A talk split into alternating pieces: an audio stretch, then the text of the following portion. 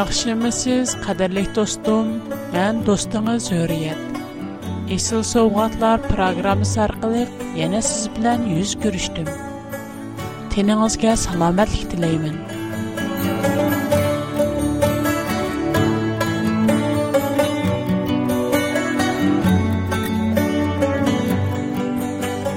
Dostum, navada siz programmamizni anglagan bo'lsangiz, do'stingiz, urug' qiziqqan va tinglishlaringizni programmamizni birga anglashga taklif qilishingizni umid qilaman bugungi mushu qisqa vaqt ichida sizga xudoning har bir eg'iz qimmatlik so'zlarini yetkazib qo'ysam o'zimni intayin xushal his qildim programmamiz bir odamning shaxsiy fikrini yoki diniy o'lmalarning fikrini emas faqat xudoning muqaddas so'zini yetkazib qo'ydi shunga do'stim programmamiz sizning tayinishingizga arziydi bugun siz bilan mundoq bir masla ustida paranglashsam qandoq alloh biz bilan birga Qadirlik dostlarım, siz burun intayin müşkül bir işqa düz kilib baqqan mu? Məslən, xudağı bulğan itiqadınız səbəblik başqalar tərəfidən kəmsitilgən. İtiqadınız səbəbidən xizmətkə erişəlməgən, yaki xizmətinizdən quruq qalğan. Hətta bəzirə bir yaxşı işləvatqan xizmətinizdən quruq qılıb, aç yalanaş рухи, жисмани ва маниви жааттин зор бесім құшырған вақтларыңыз болғаму. Агар сіз итқат юлуда нұрғылыған қиынчылықларға дүшкілген әні шындақ бір киши болсыңыз, қадірлік достум, әйне чағда сіз бу қиынчылықларға қандақ тақабыл тұрдыңыз. Тұрмышымызда өзімізді бір тарап тұтувылышқа амалсыз e'tiqod yo'limizda nurg'un mushkul ishlarga duch kelishimiz aniq turmushimizdagi bundoq real qiyinchiliklar bizning tanlashimizni kutib turadi ba'zida hatto hayotimizdan ayrilib qilishimizmi mumkin ammo bu qiyinchiliklarning hech qaysi bizning e'tiqod yo'limizdan qaytishimizga xudoga bo'lgan e'tiqodimiz ishonchimiz muhabbatimizni yarim yo'lda uzib qo'yib bu dunyoning razil va vaqtliq manfaatiga berilishimizga hech sabab bo'lolmaydi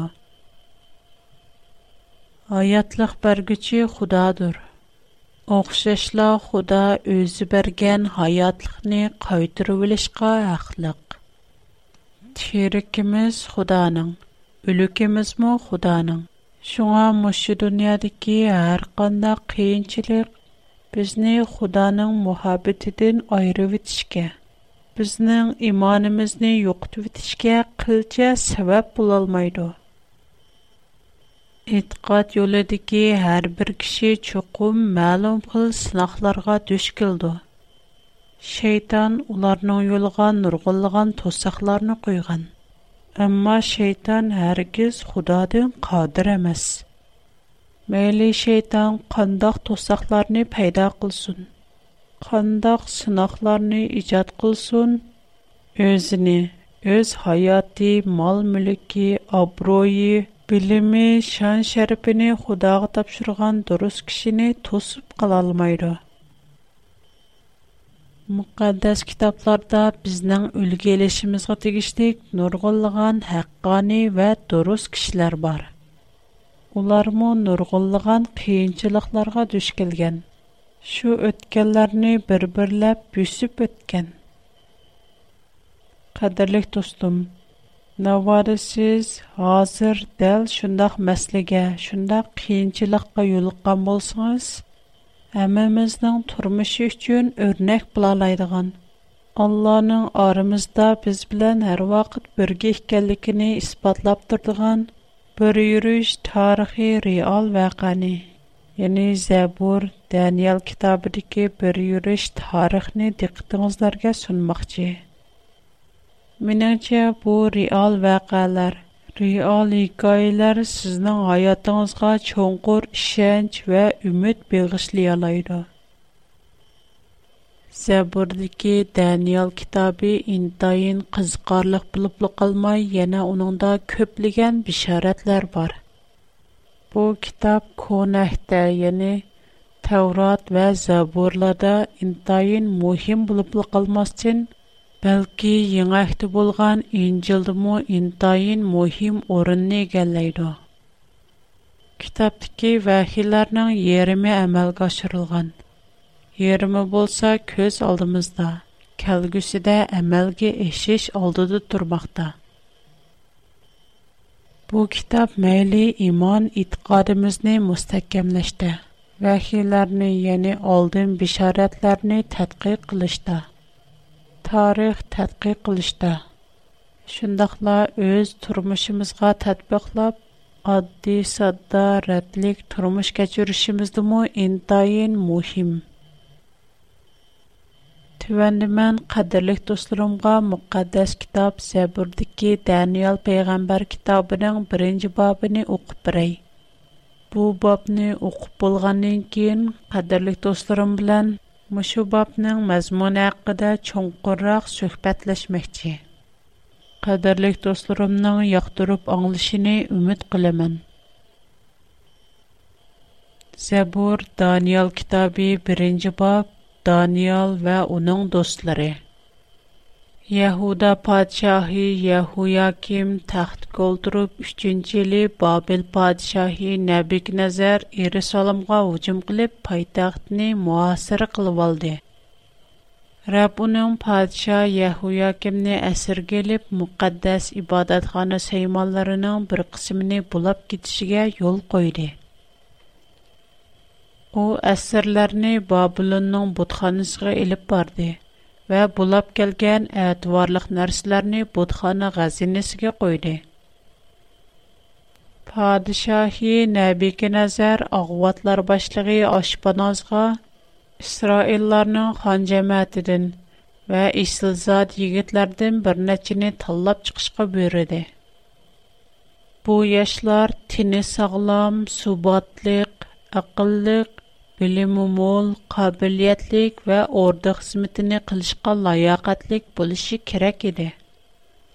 ئۇلارغا يەنە بابىرلىقلارنىڭ تىلىنى ئۆگىتىش تەلەپ قىلىندى.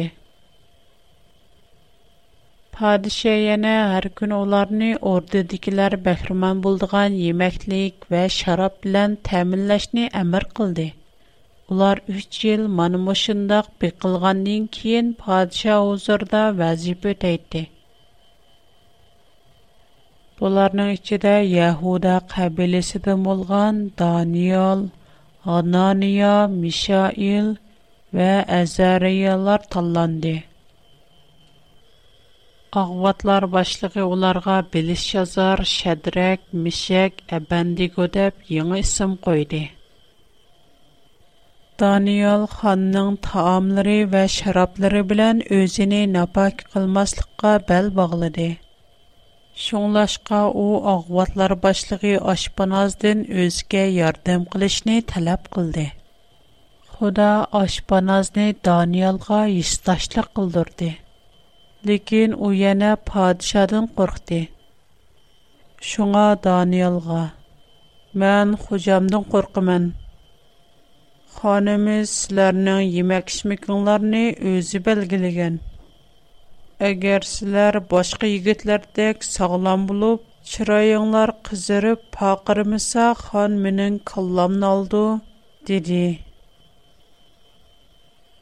Шуның белән Даниял Ашпыназ улардан хабар элишкә тәйинлегән мухабизәченең алдыгы берип, уныңга: "Безне көктат ва кайнақсу белән бекип, 10 күндән кин орда тамагын йегән егетләр белән сөйләштереп күреп, андан күзәтишегез буенча эш күргәйсез, диде. Муафизатчы уларны 10 көн сынап күрешкә мақул булды. 10 күндән кин караса, улар орда тамагын йегән егетләрдән мо сагълам, күчлек ва субатлык күренде. شۇنىڭدىن كېيىن مۇھاپىزەتچى ئۇلارغا پادىشاھ بەلگىلىگەن تائام ۋە شارابلارنى بەرمەي داۋاملىق كۆكتاتلارنى بەردى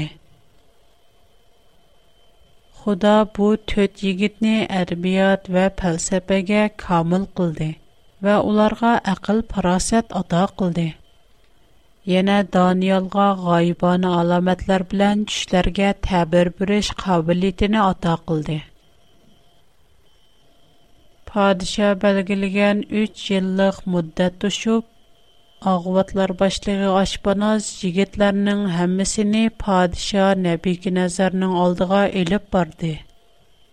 Падиша улар белән бер-берләп сүзлешип, һеч кандак бер жигетнең Даниял, Анания, Мишаил вә Азарияларга ятмәйдиганлыгын күрде. Buning bilan bu to'taylan podshoning oldida xizmat qilishga tanlandi. Ular podshoning har qanday savollariga javob bera oladigan bo'lib, ularning aql parosati, bilimi butun davlatdagi barliq palchi munajjim donishmandlarnikidan 10 narsa ustun edi. Daniel Paris padişahı Cyrus Babilni istila qilguncha davomliq o'rtada turdi.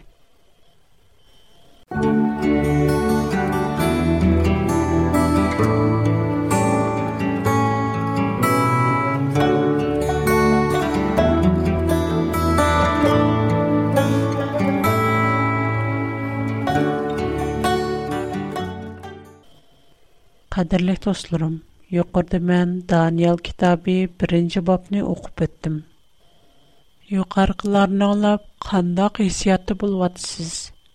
Bu hikoyada sizga eng ta'sir ko'rsatgani nima? Әмді бұл бабның қысқыча мәзмұныны тәхліл қылып көрсек, Дәниел пайғамбар әйні чағда әсір. Оның дөлеті Исраилия Худадан юз өріп, Бабылин тарапидин вейран қынынған. Исраилдики нупузлук, билимник, бай, исылзаде ва кахилар булса Бабылинға асир қилип-илип кетілген. Мышындах бір асирлик аятыда Даниэл пейгамбар өзінің аятыга хавип-илип келдіған чоң бір сынақы дүш келген.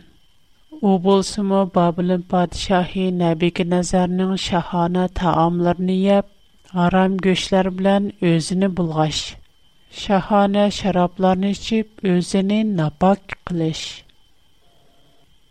bir asırgä şahnıñ buyruğını yoq taprat qilish hakeqaten osan emas nawada bir asır eng tüän qatlandıki bir qul Өзі мәңгі күштан шәлмейдіған чоң бір үкімранның тәліпіні рәт қылса, өзіні күтіп тұрған ақуәтнің қандақ келкіні әлбәтті бұлды. Даниял бір әқіл парасәтлік, білімлі кіші бұл сүпті білән, бұларыны әмі кішідім бәкірек еніқ болды. Бірақ қошалынарлықы, о өз ғаятығы келватқан қәвәпкі қарамай, Yuqorqi oyatda u shohning taomlari bilan o'zini napoq qilmaslikni qaror qildi deyilganidek, o'z e'tiqodida ching turishni tanlagan. Энахки Бабилон падишоҳининг дастханида чошқа гӯши ва Мусанинг Таврот қонунида ҳаром деб жейиш чекланган ҳар хил гӯшлар бор эди. بۇ چاغدا بۇ ياش ئەسىرلەرنى كۈتۈپ تۇرغىنى ھەرگىز ئادەتتىكى سىناق ئەمەس دانىيال ۋە ئۇنىڭ دوستلىرى بۇ ھارام يېمەكلىكلەر توغرىسىدىكى قانۇنغا ئەمەل قىلىپ خاننى رەنجىتسۇنمۇ چۈنكى خان ئۆز داستىخىنىدىكى شاھانە يېمەكلىكلەرنى ئۇلارغا ئاتا قىلىپ ئۇلارنىڭ مەرتىۋىسىنى يۇقىرى كۆتۈرگەن ۋە ئۇلارنى شۆھرەتكە ئىگە قىلغان Әгер ханның илтіпатини рат қылса, ханны қат хранджи тупойши. Өзлари ики болған мәртивиден құрук қылши, хатта хаятиден айырлыши мумкін. Әгер ханның бұйрықыни кубол қылши чо. Бәлкім ханның азизлишіге сазавар болып, бүгінки дуниадігі көплиген кишінің әвісіні қозғайдыған әң юғри үстілдіке ирышши Әмма бунда қылыш Худаның буйрыгын рад қылыш, Худаның сөзіге қаршы чыгыш. Әгәр сез, қадірлік достым, шу чагда Даниялның орнында болған болсаңыз, қандай қылаттыңыз? Падишаның илтипатыны қабул қыламдыңыз яки Худага итаат қылышны талландыңыз? Әйні чағда Даниял тіхи яш бір егіт. О пейғамбар әмәс еді. О біз көпчілікіміз ғоқшаш адди вә көп іш көрмеген бір яш сүпті болыш білән, Мұшындақ чоң қиынчылық алдыда көплеген кішілер ғоқшаш бұшаңлық қылып, икленіп олтырмыды. Даниял пейғамбарның хикаясыны біз бүгінгі өз тұрмышымызға тәтбіқлап бақайлы. بەلكىم بۈگۈنكى كۈندىكى كۆپلىگەن كىشىلەرنىڭ نەزىرىدە دانىيال پەيغەمبەرنىڭ ئۆز پاكلىقىنى ساقلاشتىكى بۇ جەسۇرلۇقى ئەخمەقلىق بىلىنىشى مۇمكىن ھەم خېلى كۆپ بىر قىسىم كىشىلەر بار ko'z oldidagi kichkina manfaatni deb o'z e'tiqodidan o'z maydonidan voz kechadi Навада Даниэл пайгамбарга оқшаш юқори мәртебеге эришиш фурсат кеп қалса, бу фурсатни қолға келтириш үчүн ҳар қандай бадал төлөштен, ҳақиқаттан чатнап, натоғра разил йол тутуштен. Шундайла өз майданыны кичик гына манфаатка тигишип өтүштен. Бу дүйнөнүн азгына пайдасы үчүн өз вижданыны сетип өтүштен. qurban qilishdan yonmaydi ammo ular intilgan bu dunyodagi ashu huquq manfaat amal oxir bir kun tugaydi ba'zilar o'ziga bahona izlab biz boshqa yomon ish qilmadik faqat hayotimiz amlimiz xizmat uchun cheklangan ba'zi ishlarni qildik xolos tovba qilsaqla bo'ldi deydi. Xudanın tələbidən bəkmü çatnab getkənlikini iniq bilib durub, öz köz qarışını həq naqni fərq etişinin ölçümü qılıb oldu. Onların fikirinin asası mən. Mənə faydası barmı yox? Qandaq faydası bar? Qandaq mənfəət Eger Hudaňyň talapyny ýerine ýetirmek gutailyk bolsa, boladym men Hudaňyň ma'lum bir ämirine, kanunyna amal edýärin. Eger Hudaňyň talabyny orunlaşmak üçin bedel töleşki, qurbanlyk birişgä toýar kelse, men onuň bu kanuneden ägip-bütip, ony rat edýärin. Özim üçin tehim we ýagşy bir bahana sebäp dep Мана бу бүгүнкү көп кишилернин психикси. Бундак кишилер ахнахны айрыш өлчүмүнө төвөлөтүп, өзлөрүнүн яман үлгүсү менен башкаларны Худанын мукаддас пак канунуга сал карашка эзик турду. Бу не яман. Дүнья хаман ахырлашыды. Dünyadaki şan şöhret, menseb, obroylar tügeydi. Adem o öz wizdanını bedel qılıb tapqan aşu azıqını baylıqlarını 2 kilometr gürlükigə elip kirip ketə olmayır. Baylıq çirib tügeydi. Dünyanın çiki buldu. ئەمما بىر چەكسىزلىك بولۇپ، ئۇ بولسىمۇ مەڭگۈ بار بولغۇچى، مەڭگۈ ھايات خۇدا ۋە ئۇ ئۆزىنىڭ ئېتىقادچىلىرىغا ئىنام قىلغان مەڭگۈلۈك ھايات. مۇقەددەس كىتاب ئىنجىل پېتروس يازغان بىرىنچى خەت ئىككىنچى باب ئون بىرىنچى بابتا مۇنداق دېيىلگەن. өтүнүп сорайманки, Худага буйсунуш арзуюңлар белән сит булган һәр хил яман һәвәсләргә берилмәңләр. Әгәр Даниил пәйгамбәр Худаның ирадәсенә зит алда яман арзу һәвәскә берилеп, нәфси хаишыга әгәшкән булса, өзенеме, итқадыныме, вижданыныме булгыган булатты. Ақуатта о кейінгілерге Алланың әр бір бәнді білән әр вақыт бір кейкәлігіне намайын қылып тұрдыған мұшындақ нұрлық үлгіне қалдыра алмаған бұлатты. Инчил римліқларғы езілген қәт 13-кінші бап 1-кі Шуңа әй Худоа безгә шундый рәхим шафкать күрсәткән, өсөңләрне Худоана курсан кылдыдыган тирә курбанлык сүбүтэ, уныңга бегიშле шунларны өтенемин. Буны бу селәрнең Худоага кылдыган хакыикы ибадеттәңләрдер. Дилгендәк Даниэль пәйгамбер өсөне Худоага чирек ве нуқсансыз курбанлык сүбүтэ соңган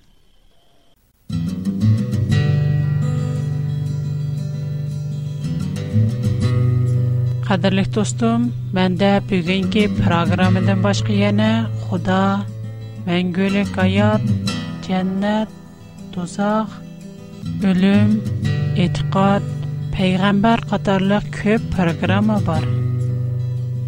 Nəvada siz anlaşqa qızıqdıqan tema toğurluq, bağa sizning talabangizni o'rinlayman programma oxirida men to'r adresim va pochta adresimni deb bermoqchi hozir qalam va qog'oz tayyorlab qo'ysangiz programma oxirlashganda mening adresimni xotirlab ola olaysiz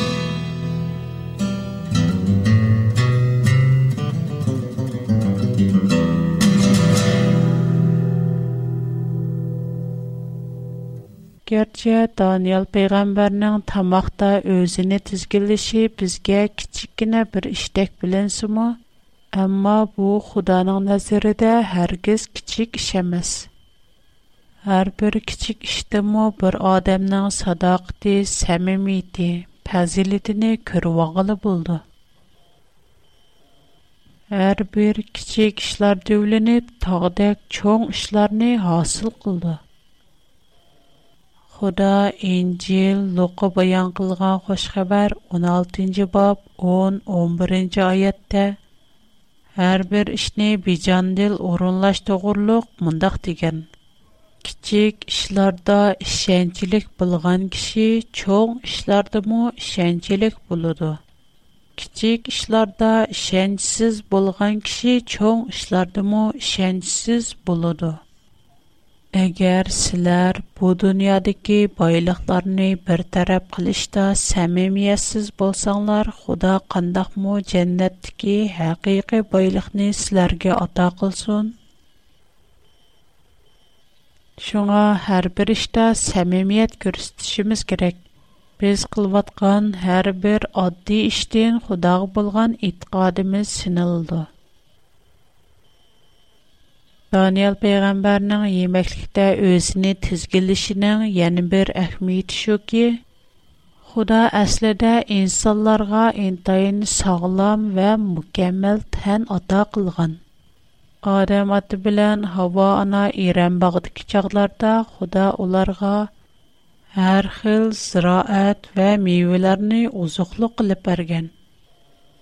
Бу сөзләрне Тәврат аламның яртылышы 1-нче баб 29-нчы аяттан табалайбыз. Димәк, Худа инсанларга иң яхшы саламатлыкны ата кылган һәм иң яхшы сәхия канунын бергән. Шу чагларда инсанларның өмри хәзерге кешеләрнең өмриден нәчә 10 әсә узын булып Yana ahli iqtidori bo'ybastimi hozirgidan necha hissa yuqori edi. Bugünkidek kishilarning tinining zaif, aqlining kamtik bo'lishini insonlar o'zi keltirib chiqargan. İnsanlar nəfsi xahişə birləş, nəfsi arzu həvəsini tizginləməslik bilən özdə bar bolğan salamətliyini yoxutub qalmay, парасатны мо юқтып қойған. Даниэл пайғамбарның хикаясы мо бізге дәл шуны көрсетіп тұрды.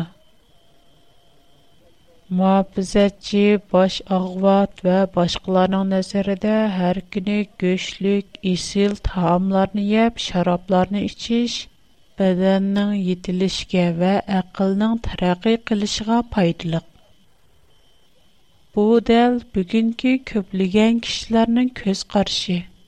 Ular go'shtlik taomlar va har xil kuchlik taomlar bilan badanni mustahkamligili bo'ldi deb qaraydi. Оның әксіче, мұшындақ кішілер көпірәк кеселлерге гіріптар болды. Мұқаддас китап бүйче Даниял пейғамбар вә оның үш дости go'sht iste'mol qilib isil taomlarni yegan sharoblarni ichgan u yoshlarga qaraganda necha o'n narsa aqlliq subatliq kelishgan va qovul bu bizga nimani tushuntirib turdi muqaddas kitobdan javob izlab boqsaq injil korintiliklarga yozilgan birinchi xat oltinchi bob 19 20 yigirmanchi oyatda تېنىڭلارنىڭ مۇقەددەس روھنىڭ ئىبادەتخانىسى ئىكەنلىكىنى بىلمەمسىلەر خۇدا سىلەرگە ئاتا قىلغان مۇقەددەس روھ قەلبىڭلاردا ياشايدۇ سىلەر ئۆزۈڭلارگە ئەمەس بەلكى خۇداغا مەنسۇپسىلەر چۈنكى ئۇ سىلەرنى ئەيسا مەسىھنىڭ قىممەتلىك قېنى بىلەن ئۆزىگە مەنسۇپ قىلدى Şunun üçün tenanlarını Xudanı uluqlaşqa atdanlar. Demək, məşu ayət bu yəcə biznin tinimiz yalqız bizgili mənsub əməz, bəlkə Xudağı mı mənsub? Xuda biznin qəlbimizdə yaşayırı. Xuda biznin qəlbimizdə yaşıqan ikən, demək, Xuda hər Allah hər günü biz bilən birgə. Fəqət biz öz imanimiz, işəncimizni Allah qurub, hər qandaq işdə onunla tayansaq, onun hər zaman, hər vaqt aramızdakıligini his qila alaymiz. Xuda bizni yalğız, qarançsız taşlab qoyğun yox. Daniel peyğəmbərinin hekayəsi bizə şunu uqturub birdi. Худа һәр бер өзене онтып, барлык карарыны өзге тапшырган кишиләргә өз улыгылыгын уларга аян кылды. Худди Даниял ва аның үч досты акыл, парасат ва башка җәһәтләрдә Худаның зур илтифатыга эришип, yüksek kutuk kazanığın edek. Bugünkü programımız Müşer'de ayaklaştı.